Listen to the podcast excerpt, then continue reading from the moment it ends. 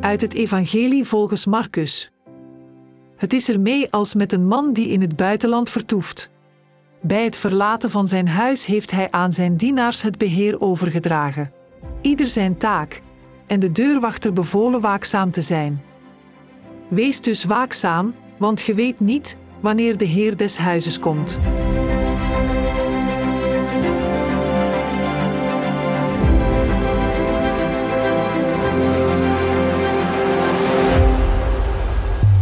Vrienden, zalig nieuwjaar.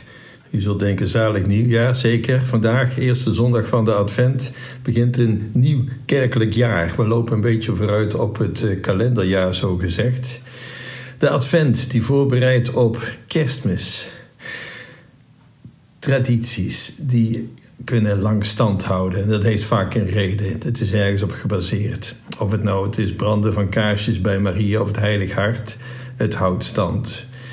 Um, andere tradities, Sint Maarten, Sint Nicolaas, de kerstboom, carnaval, oliebol op oudjaar, uitblazen van kaarsjes op de verjaardagstaart.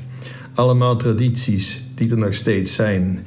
En van sommigen moet je trouwens ervoor waken dat ze niet teloor gaan. Tradities, ze zijn er gelukkig maar. Er zijn dingen die nooit veranderen en dat moet je ook niet willen. Hij probeert het, het Sinterklaasverhaal aan kinderen maar eens te vertellen op een andere manier. En het, werkt gewoon niet. En kinderen zullen je corrigeren. Gelukkig maar eigenlijk. Ook de kerk heeft zo zijn gewoonte die de moeite waard zijn om eraan vast te houden. En zo noem ik bij doopgesprekken de gewoonte van katholieke ouders om je kind bij het slapen gaan een kruisje op het voorhoofd te geven. Veel jonge ouders kennen deze gewoonte niet meer of zijn het kwijtgeraakt. En toch, als ik de kleinste een kruisje geef wanneer ze de mis bij de communie naar voren komen en ze hebben de communie nog niet gedaan, het kind herkent dat en vindt het prima. Het, het, het, het, heeft iets authentieks kennelijks. Het is gewoon een oud gebruik dat liefde en geloof combineert in een zegen die ouders aan hun kind geven en die de goede God aan kinderen geeft. En die gebaren zijn niet zonder betekenis en mensen voelen dat aan en daarom houdt het stand. Het is altijd de weg van de kerk geweest. Probeer de gewone dingen van het leven een diepere inhoud te geven door ze te verbinden met Jezus, met de hemel, met het geloof. Gregoriaanse gezangen zijn daar een goed voorbeeld van.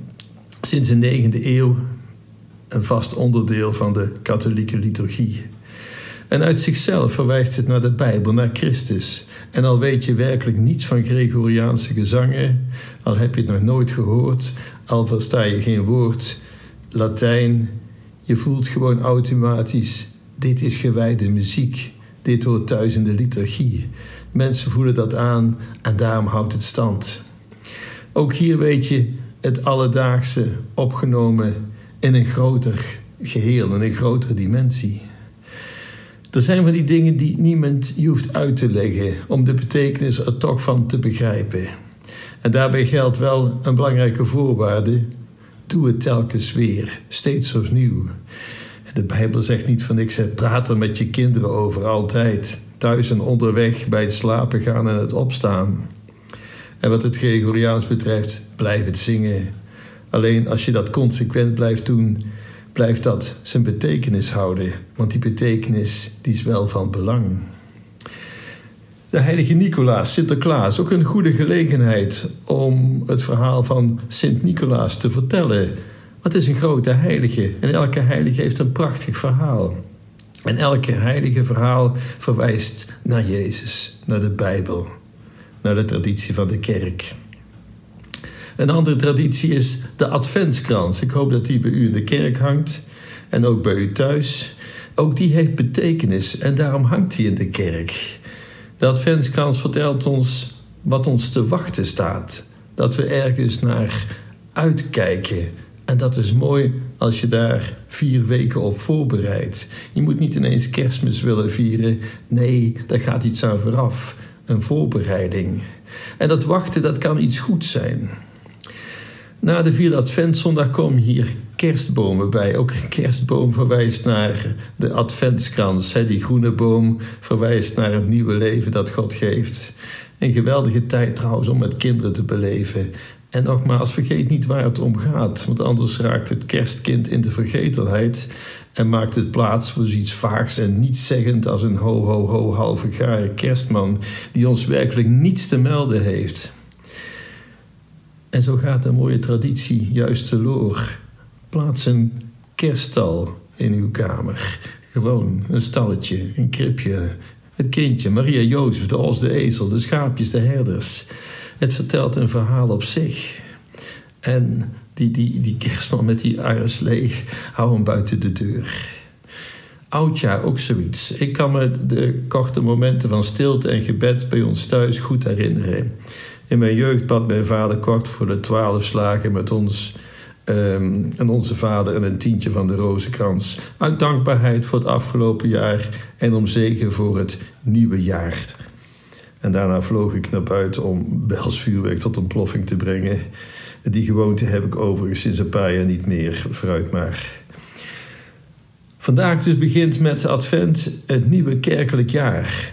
Loop zo het hele jaar door. De feesten en de gewoonten. Al die tradities van carnaval, want ook dat heeft met de kerk te maken. De vooravond van Aswoensdag, de vaste avond. Tot en met het paasei toe. Ook een paasei, hè in, in, in, in april dat het komt nieuw leven uit, zoals Christus nieuw leven uit het graf openbrak. Allemaal dingen die een bijzondere betekenis hebben, die het gewone met het buitengewone verbinden. En zo zijn er heel wat dingen het hele jaar door. Van een dankbaar gebed bij je verjaardag en de vrijgevige Sint Maarten, Sint Nicolaas, tot de, de haring die we ook kennen van de vis op vrijdag het zijn ideale dagen en momenten om ongedwongen te praten over de betekenis van die dagen en gewoonten. Alles kan ons helpen ons hart bij God te brengen. Vertel, vertel erover, praat erover. Met je kinderen, je kleinkinderen, met, met wie dan ook. Het leven krijgt betekenis en diepte. En geef met die goede gewoonte ook de inhoud door. In mooie verhalen. En, en ja, geef het goede voorbeeld. Bid samen, vier samen de heilige mis. Het doet ons ontwaken uit een spirituele slaap, want we dreigen geestelijk in te dommelen in onze seculiere tijd. Nee, word een ander mens met een nieuwe visie. Kijk anders naar je leven. En dat is waar het evangelie deze eerste adventszondag toe oproept. Wees waakzaam over een paar weken is het kerstmis zeker, maar wat vieren we eigenlijk? Ons wordt gevraagd daar nadrukkelijk bij stil te staan, Hem echt van harte welkom te heten in ons leven. Wees waakzaam en dat is nodig. Want als we gaan suffen, kunnen we Hem geen welkom heten, want we zullen Hem niet herkennen. En het gaat langs ons heen. God is niet altijd even makkelijk te herkennen, dat is waar. Dat was toen ook al niet. Hè? Wie verwacht nou God te ontmoeten in een voerbak in een stal? De meesten zagen het inderdaad niet, maar sommige wakkere gasten wel. En het gaf vreugde. In onze tijd is dat niet anders.